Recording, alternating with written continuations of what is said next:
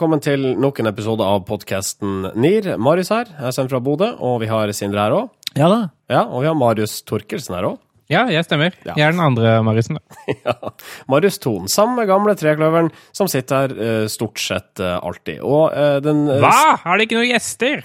Nei, det har vi ikke. Nei. Siden sist, eh, det har gått en uke nå. Eh, dette er fredag 16. mai-sendinga, og siden sist så har altså Solo hatt litt trøbbel med den her eh, oppblåsbare, kjempedigre soloflaska si.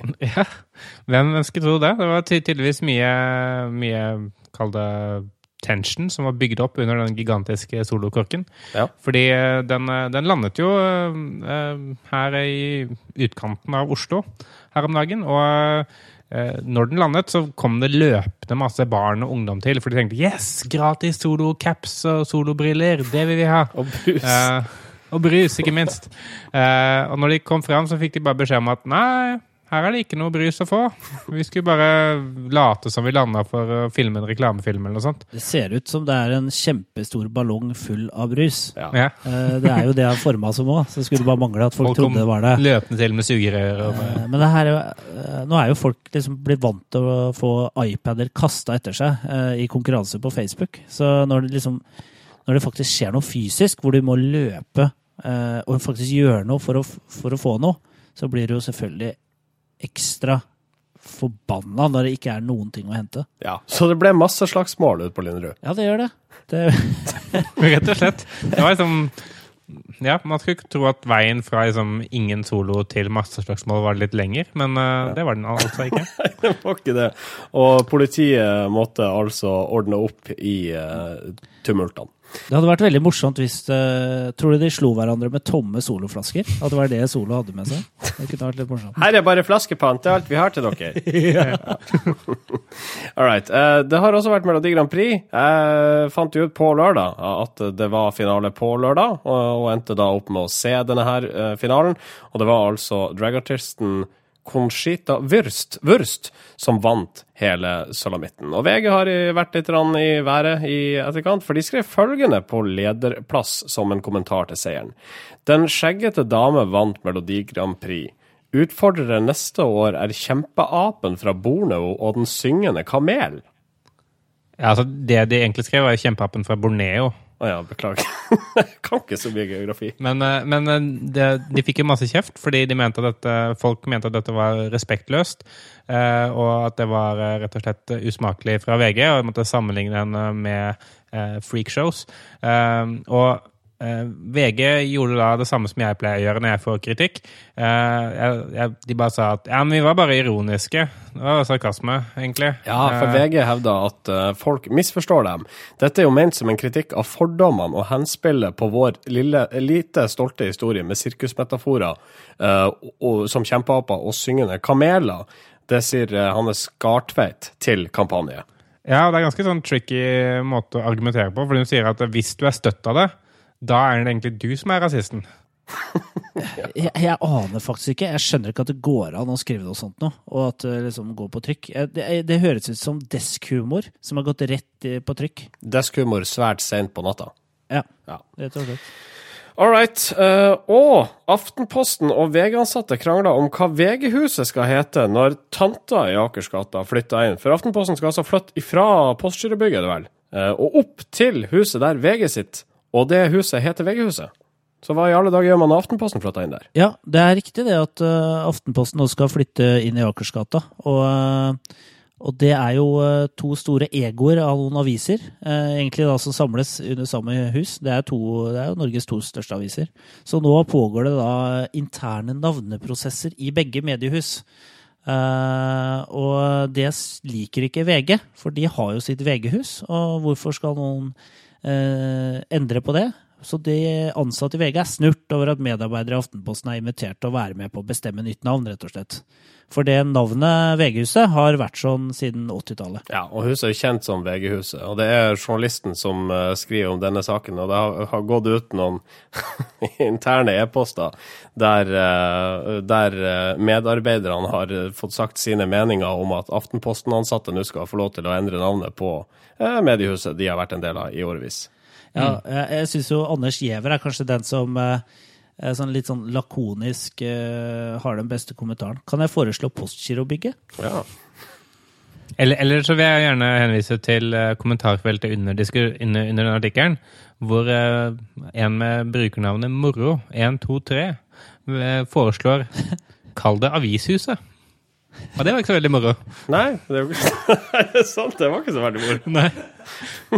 Det er nok der det ender. Ja. Altså, litt sånn eh, helt, helt sånn kjønnsløst navn som Mediehuset Oslo. 1. Mm. Eh, altså sånn type eh, Kanskje det kan bli et sånt annonseprodukt hvor man kan kjøpe liksom, en toppbanner på VG og navnet på dette bygget for en uke. Og så blir det sånn eh, K2 Vitaminhuset eller eh, Lindex-bygget eller ja. ja.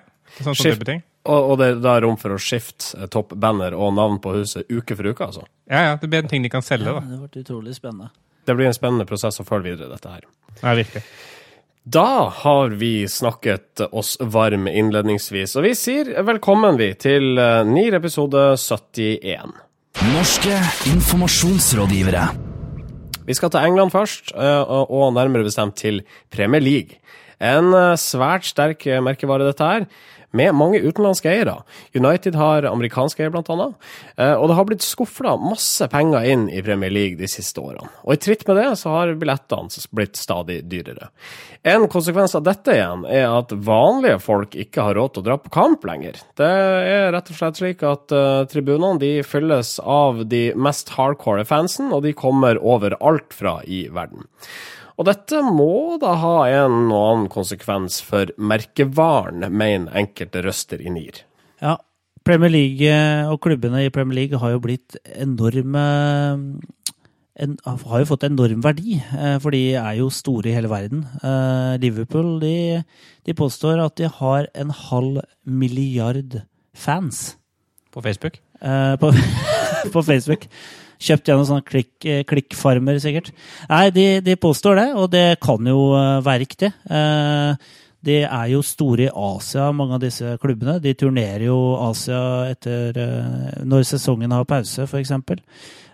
Men det vi syns er spennende her, er jo nettopp det om man kan vokse inn i himmelen, holdt jeg på å si. Hvor stor kan egentlig Premier League bli før liksom røttene faller av?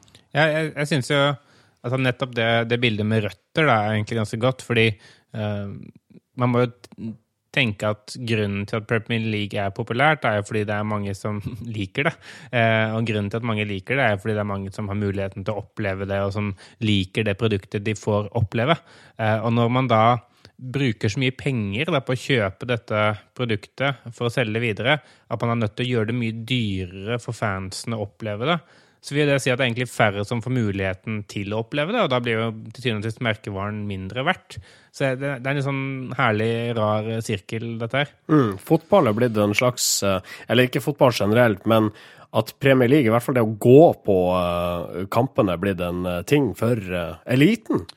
Ja, og det er jo ikke sånn det var eh, på 70-tallet og 80-tallet. Eh, når eh, engelsk fotball ble stort eh, også her hjemme i Norge, mange begynte å heie på engelske lag, så var jo eh, Engelsk fotball var en arbeiderklassesport. Det var noe man diskuterte på puben. Eh, men det har skjedd mye siden den gang, og, og det har kommet veldig mye penger inn i sporten, som jo også gjør at eh, mange av de eh, som var liksom kjernesupportere den gangen, har distansert seg litt fra idretten, eller i hvert fall er i fare for å gjøre det, pga. at de ikke har råd til å gå på kamper lenger. Hvor mye koster det egentlig å gå på en eh, eh, Jeg sier en ManU-kamp, da. Jeg, jeg vil uh, eh, Apropos merkevare, det er en interessant ting før vi går videre. Ja. Uh, hvis, alle som er Manchester United-supportere, blir opplært til at man skal aldri si ManU. Å ja, OK. Beklager, men jeg er ikke Manchester United-supporter. Nei, nei, jeg vet det. Jeg tenkte det var ikke interessant for deg å vite, da, fordi det høres altfor mye ut som manure. Altså gjødsel.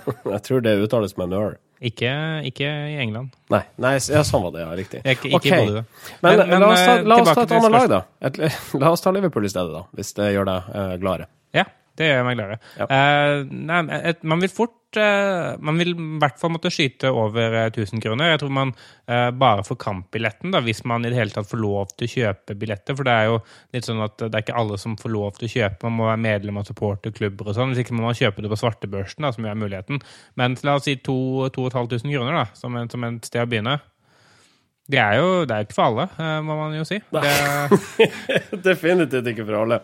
Det som er litt øh, Jeg vet ikke om det er trist, men det som i hvert fall er litt sånn urovekkende, er jo at øh, mange av de engelske klubbene er jo ikke som vi var inne på, de er jo ikke eid av fansen. Eh, Sånn som i Tyskland for eksempel, så er de aller fleste tyske bondesligaklubbene er i hovedsak eid av fans, altså kjernesupporterne.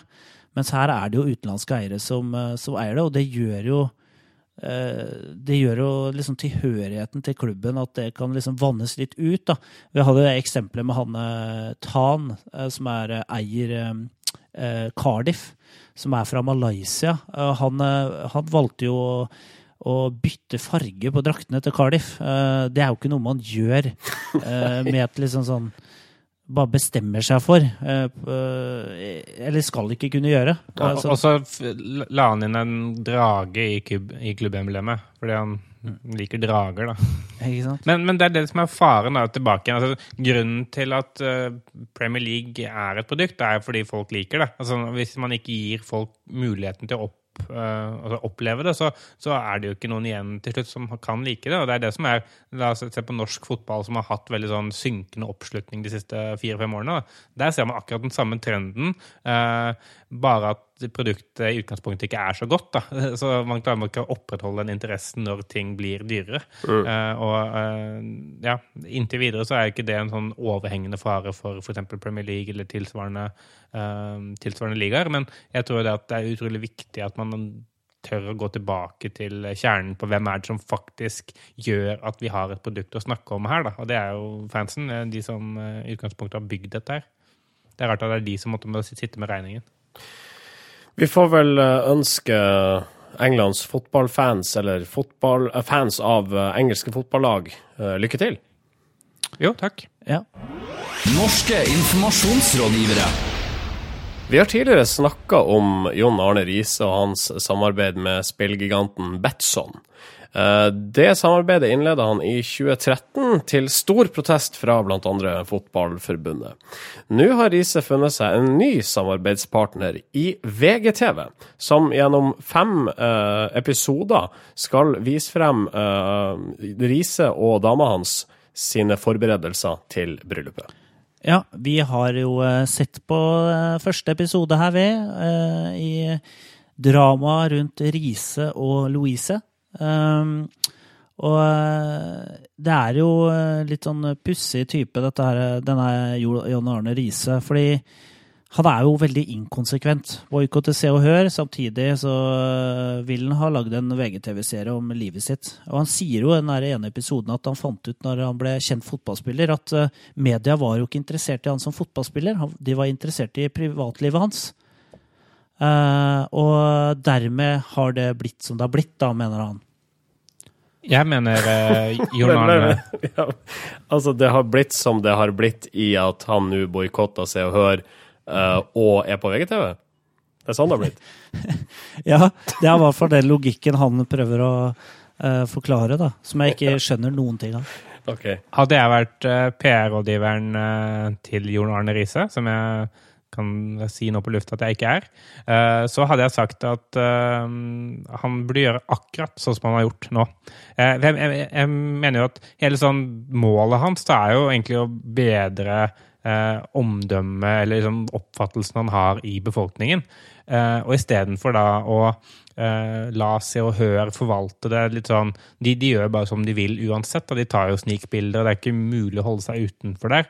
Så heller inngå et samarbeid med et større medie hvor du kan kontrollere historien mye mye bedre. Da. Du kan få vist fram de tingene du ønsker å få vist fram. Og VGTV er bare glad for å få lov, liksom, få lov å komme og filme i huset hans, så de gjør jo som han sier. ikke sant? Så nå har han jo plutselig en setting hvor han kontrollerer hele historien og kan vise fram den delen av privatlivet som han selv mener er riktig å gjøre. Da. Og det tror jeg, det tror jeg er lurt. For det, altså, det, er, det er ikke sånn at hvis han ikke stiller opp i VGTV, så er ikke mediene interessert. Det gjør ikke sånn at han ikke får omtale. da. Så jeg tror det er nå er det et kontrollert miljø, i hvert fall. da. Ja, det, det er det. Men det som veldig mange kjente skuespillere og fotballspillere og sånn gjør, det er å verne om sitt privatliv når de er aktive. Når de er på sitt beste, når de faktisk har noe å levere. Når de er interessante. Når de er interessante, da. I, i kraft av det de kan drive med. Og så eh, unnskyld uttrykket, horer de seg litt når de er ferdig. Ja, Eh, de å sparer liksom- på horinga eh, til når de ikke har noe tilbud på fotballbanen, f.eks. Nettopp. Og, men det han, John Arne Riise gjør, er også å tjuvstarte litt, da. Uh, og det er det jeg syns er interessant, for hva gjør det hva, Hvor er han om ti år, da? Eh, Står han og selger kniver på Fredrikstad-messa, eller hva liksom Hvor langt ned har han kommet, da? Står og selger sånn VIP credit card utenfor Fredrikstad stadion. Men altså, hvordan forvalter merkevaren Riise etter at, han, etter at eh, fotballen legges på eh, hylla? Det er dit jeg, jeg tolker det. For hva gjør Riise den dagen han legger opp? Det er litt interessant, for hvis man ser på hva er det som er kjernen i merkevaren Riise, så er det jo eh, egentlig det som handler om eh, noe som er kommersielt interessant for andre. Da? Altså, han representerer eh, å være god i fotball, som er en, en verdi som er, eh, som er viktig for en del. Eh, han, er, liksom, han er sunn, han er, han er godt trent, og han kan, han kan gjøre en del ting for merkevarer som måtte befinner seg i det eh, landskapet. Og så har han måtte, en helt sånn dimensjon i tillegg, da, hvor han har et privatliv hvor han til tider oppfattes som en, som en tulling. Da, som, som, som en fyr som gjør veldig rare ting, og som uttaler seg på måter som folk syns er eh, kontroversielle, og hvor han får mye kjeft. Og det er en, måte, en del av merkevaren eh, i Riise som man bør kanskje prøve å tone ned, Mm. og heller fokusere på det som er som kommersielt interessant for eh, Som man kan leve av i fremtiden etter fotballen. Og det handler jo om måte, fotballdelen, og ikke om liksom, tekstmeldingsdelen av han. Som han det er, jo- nå er det mange år siden, så det er kanskje ufortjent at han fortsatt fortsatt får tyn for det, men Men fortsatt godt poeng, all den tid det, det sitter ganske langt fram i uh, pannebrasken min, i alle fall, den SMS-fadesen, selv om det er kjempelenge siden. Ja. Ja, Det det sier jo litt om hvordan dette her har definert, definert han, alle disse sideepisodene til fotballen hans, hvordan det har definert ham som person i det offentlige. Ikke sant? Det imaget han fikk etter det, har på en måte prega hvordan han har orientert seg mot media etterpå. Han har på en måte tatt det inn over seg, at det er vel sånn jeg er. Uh, men Ja. det, som jeg tenker, det som er med stjerner, da, eller i hvert fall den type folk som faktisk presterer på, et eller annet, på en eller annen scene eller på en arena, det er jo at eh, de blir jo stjerner også pga. sin utilgjengelighet. Altså, det er en mystikk, da, mystikk rundt mange, mange av de folka her. Men idet du selger livet ditt til en Eller la VGTV lage en serie om livet ditt, så, så fjerner du ganske Så, så lar du folk komme inn, og de, de, blir bedre, de blir bedre kjent med deg enn de kanskje burde. Jeg, jeg, jeg tror at eh, den, den mystikktingen er veldig interessant, fordi at hele grunnen til at vi liker Ole Gunnar Solskjær så mye, da, tror jeg er litt fordi han er såpass utilgjengelig. Nettopp. Og når vi da ikke egentlig kjenner personligheten hans, så bare prosjekterer vi en del sånn positive egenskaper som vi skal ønske han har fordi han er så god i fotball, eller var så god i fotball. Så da er han sikkert snill, han er sikkert smart, han er sikkert hyggelig. Eh, og det er egentlig bare fordi vi ikke vet det, så vi bare antar det fordi vi, vi måtte skape han i vårt bilde. da. Og med Jon Arne Riise er ikke det mulig, da, fordi det er liksom ikke noe mystikk igjen. Nei. Det er ikke noe, er ikke noe eh, mørke kroker, da. Um, så for Jon Arne Riise så gjelder det bare å ta godt vare på de siste årene i fotballen. Ja, det tror jeg Skvis mest mulig penger ut av det, for det må du leve på i 40 år til. Tommel opp. Tommel opp for det. Tommel opp. Norske informasjonsrådgivere. Alexander Østenberg han er strategidirektør i designselskapet 60. Og han har eh, et innlegg på trykk i kampanje, eh, der han sammenligner tradisjonell TV med de mange streamingtjenestene der ute, og da spesielt Netflix. Og han drar følgende analogi her. Netflix er som en Big Mac-meny, i motsetning til TV, som er matekvivalenten til å gå på en fin restaurant. Ja. eh, Alexander Øksenberg leverer kanskje eh, en av årets eh, så langt rareste analogier. Er, er det riktig at det er en analogi? Ja, jeg tror det. Ja. Eh, og det, det gjør han i forbindelse med at han holdt et foredrag under nordiske mediedager i Bergen, som gikk av stabelen forrige uke. Eh, og poenget hans er det at han mener at Netflix og tilsvarende sånne strømmetjenester egentlig gjør lineær-TV en slags tjeneste. Fordi eh, på Netflix så ligger jo alt mulig innhold ute hele tiden, og det er man ikke noen sånn kurator i så stor grad som tar hensyn til hva vi burde ønske å se. Eh, og det bare viser fram eh, kvalitetsforskjellene og den jobben som alle som jobber med lineær-TV, faktisk gjør for å sørge for god programmering. Da. Ja, sånn som at TV3 for eksempel legger eh, tre episoder av Two and a Half Men etter hverandre, for så å bli avløst av Simpson-maraton. Er det sånn Ja. programmering du tenker Ja, på? jo, jo, nei, altså, eh, denne analogien da, fungerer bare i en verden hvor NRK er den eneste kanalen som eksisterer. ja, Ikke sant? De bruker, de bruker mye tid på å programmere og sette sammen et, et rikholdig utvalg av gode eh, TV-serier etter hverandre. Ja, det, det tror jeg det gjør. Men er det ikke mer sånn at uh, NRK TV 2 er uh, restauranter med menyer, mens uh, Netflix er et koldtbord? Tenker jeg. Det er mer sånn gå og ta det du vil ha.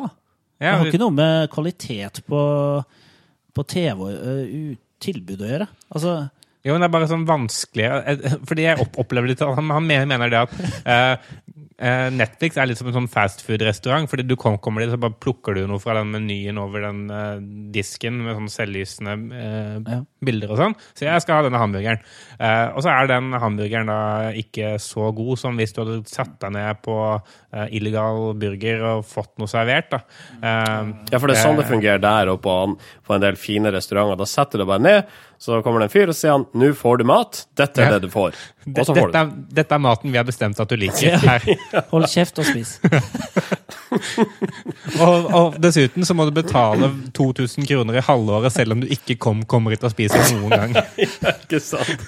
Det er rett og slett et dårlig bilde Ja, det, er, det, er dårlig, det er dårlig bilde. Jeg, Ja. jeg forstår på en måte litt av poenget hans. Altså sånn, man skal ikke undervurdere jobben som gjøres i å måtte lage en god TV-kanal. Altså, at de faktisk gjør en jobb for oss. Men, men det er en måte så langt jeg er villig til å strekke meg til at han har, har et poeng. Da. Men så sier han og avslutter han sin kommentar med at seerne er de nye programsjefene. Eh, Jeg, Og jeg, da- trodde de var restaurantgjester. jeg. jeg, jeg trodde jeg også. Ja, for det blir litt motsatt igjen, er det ikke? Ja, det er det Hvem er det, jeg som, hvem er det som er programsjefen i NRK? Ja, men, eh, Og hvem er det som er programsjefen når jeg setter meg ned og ser Netflix? ikke sant? Det, det er nettopp det. Det er det er ikke, det er Fremtiden er med andre ord ikke de som eh, programmerer for deg. Nei. Det skal du gjøre sjøl. Og Ja. det er jo egentlig Netflix, da, vil jeg tro. Han, han, påpeker for, for øvrig i kommentarfeltet under at uh, PS, uh, analogien om at Netflix er en Big Mac-meny, er ikke ment bokstavelig. Ja. Nei, dette var veldig vanskelig. Det ingenting. Det var veldig vanskelig. Vi kan vel bare enes om at streaming er framtida, uh, og TV-mediet kommer til å dø. Annet enn uh, livesendinger eh, der, altså der det må gå live, der du må eh, Det må sendes nå, men alt annet Ja. må. Nettopp. Ja, for det er, det er ikke noe gøy å sitte og se eh, Melodi Grand Prix-opptak og så sitte og tvitre om det. Liksom Nei. alle andre har sett det for to dager siden. Ikke Å, du sett skjegg på en dame, eller? Husker dere ham han fra Hviterussland, eller? Ja, men da har vi konkludert. Vi skulle nesten hatt sånn der eh, klubbe som vi kunne banke i bordet med og sagt at ja, den saken er avgjort, vi eh, går til neste saksbehandling. Eh, men det har ikke vi, for det er ikke et sånn type program, dette her. Nei, det er ikke norske domsavsigere. Nei, det er ikke det. Norske informasjonsrådgivere. Vi skal til USA nå, eh, hvor New York Times har starta et nytt prosjekt. Eh, de går rett og slett gamle sensasjonssaker etter i sømmene. For det finnes en del nyhetssaker der ute som har bidratt til å forme befolkningas syn på samfunnet. Men så viser det seg i ettertid at de kanskje ikke holder vann. De er rett og slett ikke sann. Så med pengene til en eller annen rik amerikaner har New York Times oppretta nettstedet Retro Report, hvor de publiserer korte dokumentarer om noen av de største, men ikke nødvendigvis sanne, nyhetssensasjonene gjennom tidene. Det skriver bransjebladet Journalisten. Ja, dette er eh, noe av det mest interessante jeg har sett på nett eh, på lenge, Ja. eh, faktisk. Eh, dette er jo også en god trafikkmaskin for New York Times. Det er mange som leser de sakene som Retro Report publiserer. Det er minidokumentarer på rundt toppen 20 minutter som går tilbake i tid og nøster i gamle, store media-events, kan man si. Altså, Som har fått heavy dekning. Blant annet så er det, er det en sak fra 80-tallet eh, om McMartin Preschool, eller barnehage, eh, førskole er det vel, i, eh, i Los Angeles. eh, hvor eh, det begynte å svirre rykter om at de ansatte misbrukte barn. Og det utvikla seg i den retning at etter hvert så var også de, drev de også med sataniske ritualer, eh, disse her ansatte, ifølge ryktene. Og etter hvert media òg, vil jeg tro. Og media også. eh, Og det, det tok eh, virkelig av. Eh, Men det endte jo med, da, eh, i den saken her, at eh, alle ble frikjent. Ja, for det var Eh, ikke sant. Nei, det var ikke sant. Og media har jo en tendens til å ikke være så veldig interessert når det viser seg at eh, ting ikke er så ille allikevel. En annen eh, veldig interessant eh, sak som Retro Report eh, tar opp, er jo eh, en sak som handler om Stella Liebeck. Eh, mest kjent for å ha fått veldig mye penger fordi hun eh, sølte varm eh, kaffe fra McDonald's på seg selv. Eh, og de, den saken er jo eh, egentlig ikke først og fremst belyst av New, New York Times. Det er en veldig god dokumentar fra 2011 som heter Hot Coffee, som, som tar opp eh, den saken og liksom hvordan den ble spunnet ut av alle proporsjoner og brukt av forsikringsselskapene i USA for å få et, et øverste tak på hvor mye det er lov å saksøke for. Eh, og, og så måten, men også måten den saken er opp, oppsummert av Retro Report på, om at, det, at de bringer det opp igjen, det er eh, noe som er helt riktig å gjøre. Det er det som er så veldig interessant med med den tilgangen som vi nå har til data og kilder og alt mulig hele tiden gjennom måtte, godt søkbare databaser, det er at vi kan faktisk gjøre dette her nå. Da. Det er ikke så lenge siden dette her ikke var mulig på en måte effektiv måte. Eh, og jeg tror bare at dette er starten på nettopp en sånn rekke sånne avsløringer som, som eh, vi er nødt til å måtte face at dette skjedde faktisk ikke. Mm. Eh, Vi anbefaler dere å gå inn eh, og sjekke ut noen av disse interessante dokumentarene. Retroreport.com. Og eh, tommel opp. Ja, Tommel eh, opp, Tommel opp, altså. eh, i eh, alt. absolutt. Og vi skal da uh, til en spalte som vi sjelden har. Jeg vet ikke hvorfor vi har den så sjelden, egentlig. Nei, ikke heller. Det er fordi det Eh, er dyrt med drivstoff. Ja. Det er, det er jo det er jo ingeniørkompetanse på høyt nivå som må være på plass, og det er ikke alltid vi har det er tilgjengelig. Nei. Og så er det veldig mye research eh, og arbeidskraft som ligger bak denne spalten. Det er det. Eh, Det er klart, altså her må vi grave tilbake i eh, Her må vi rett og slett ned på Deichmanske sentralbibliotek her i Oslo for å, å grave oss ned i kjelleren der for å finne stoff. Ja. Og da er vi inne på det, så jeg tror vi kjører en jingle. Gutenberg, pergamentrull, Tresko. Brevdue, Elektronikk. fax, Nintendo 8-bit. CDR, Ja, jeg sender pressemeldingen på Telex. Sindres tidsmaskin. Ja.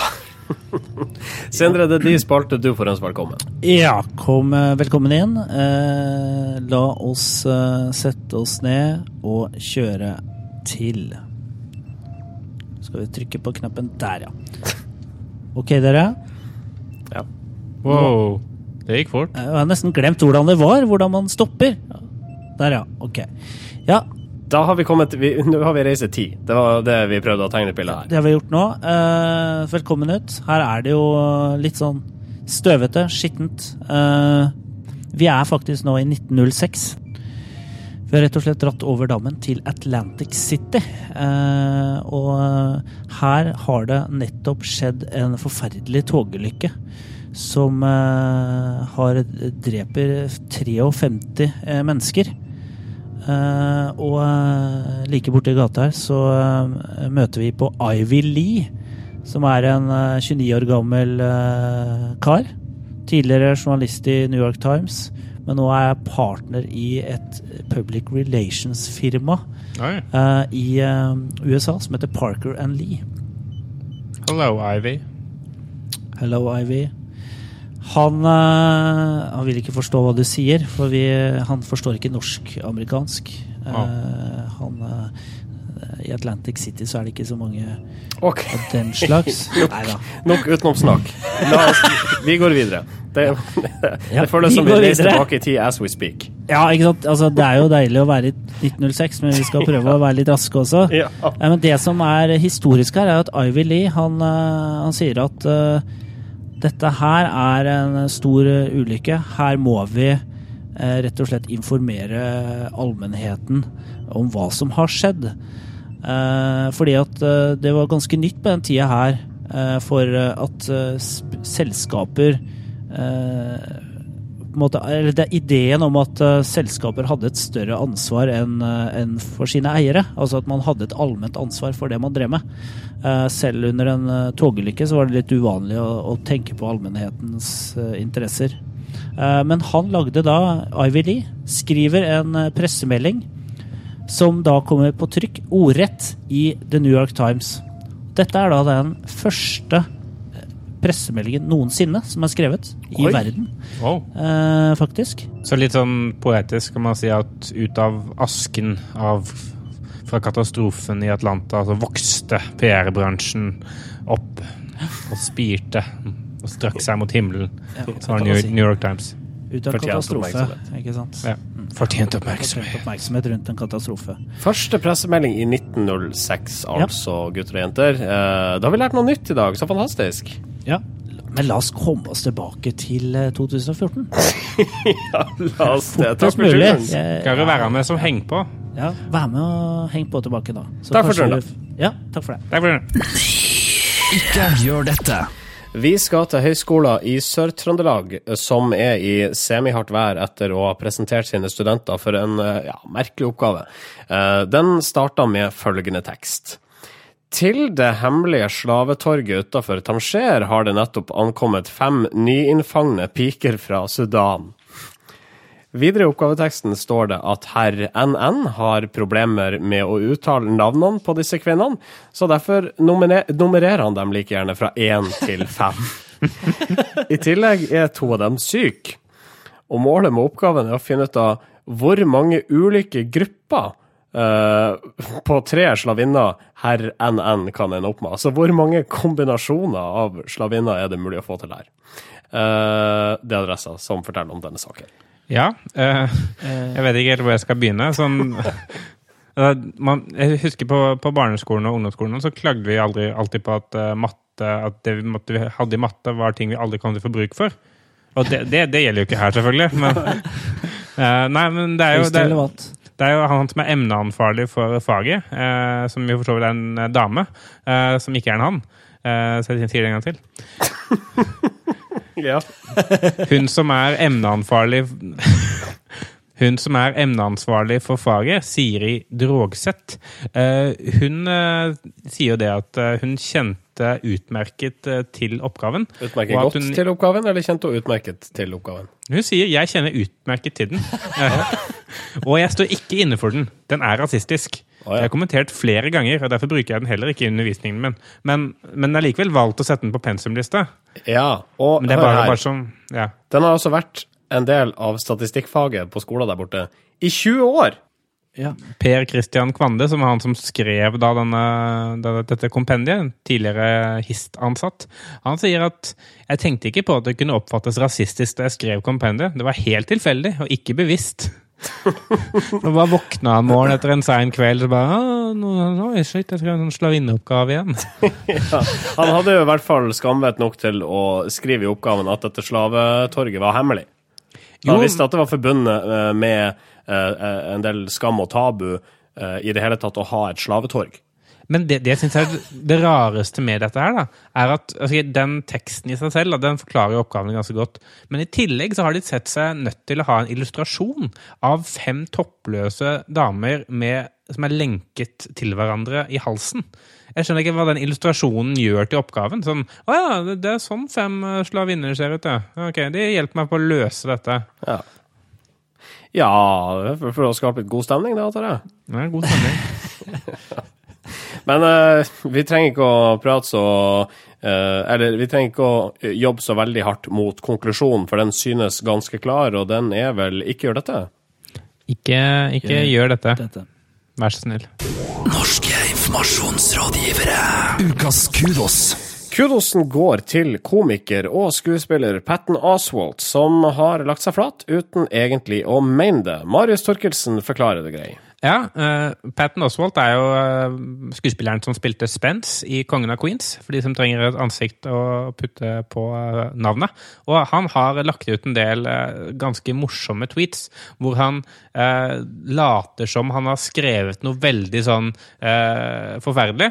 Og så har han liksom slettet det, og så legger han bare ut en, en beklagelse. Og det er sånn typisk som man ser fra, liksom, fra merkevarer og offentlige personer når de skriver noe galt. så eh, og får masse reaksjoner på det, så sletter de tweeten, og så kommer de med en beklagelse.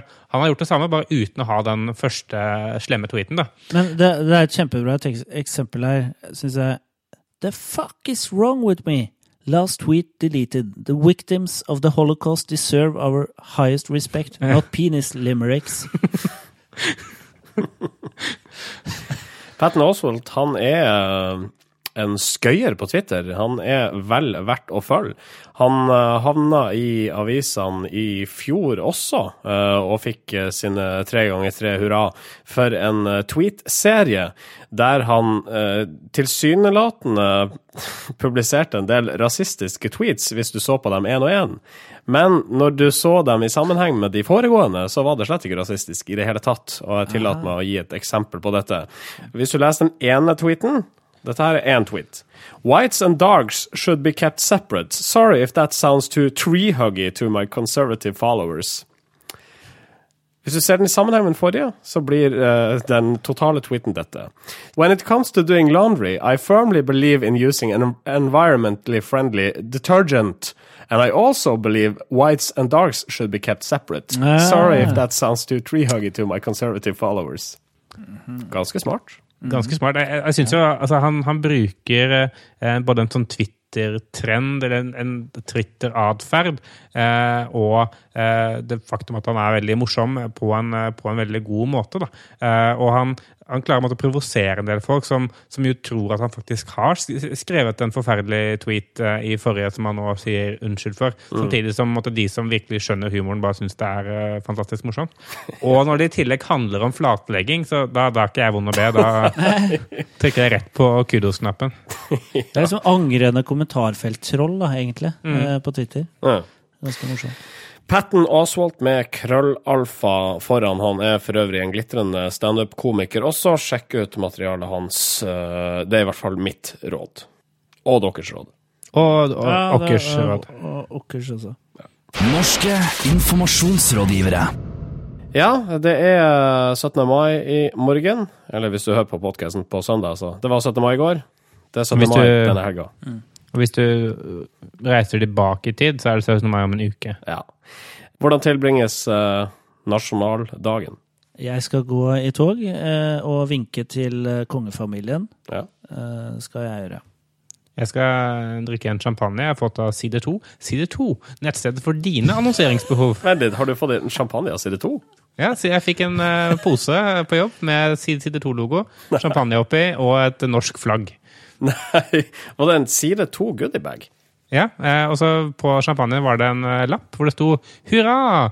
Nå har vi 500 000 ukentlige besøkende på mobil'. Uh. Her, champagne til deg. Ja. Vi var inne på det forrige sending om eh, kongehuset, hvor flinke de er på PR. 17. Mm. mai er jo egentlig et, en, et eneste stort PR-stunt for kongehuset. Mm. Eh, som vi også gleder oss til mm. ja, å være en del av. Ja. All right. Hei, forresten. Um, hopp i havet-trenden uh, viste seg bare å være en tendens. Det, ja. det døde etter tre dager. Ja, Så det var ikke en trend? Det var ikke en trend. Det er litt uh... Kreftforeningen fikk inn tre millioner, de. Ja, det er ganske bra. Mm. Der ser du hvor mye verdt en tendens kan være. Ja. Tenk hvis det hadde blitt en trend. Tenk hvis det hadde blitt en trend, da. Ja. Da hadde vi ikke hatt kreft uh, i det hele tatt. vi slutta med kreft. Og hadde ikke hatt tid til kreft da. Jeg tror det er best vi avslutter. Men uh, du finner oss på facebook.com slash nirkast. Du kan sende oss e-post uh, på nirkast.jahu.com. Du kan høre på oss på soundcloud.com slash nirkast. Og du kan twitre om oss når du vil på Twitter. Hashtag Nikkast. Det er ikke noe mer å si om det. Nei, det er ikke det. Um, vi ønsker deg en eh, fantastisk 17. mai, kjære lytter. Uh, og så høres vi igjen om ei uke, og vi sier vel bare adjø. Adjø. Adjø. Norske informasjonsrådgivere.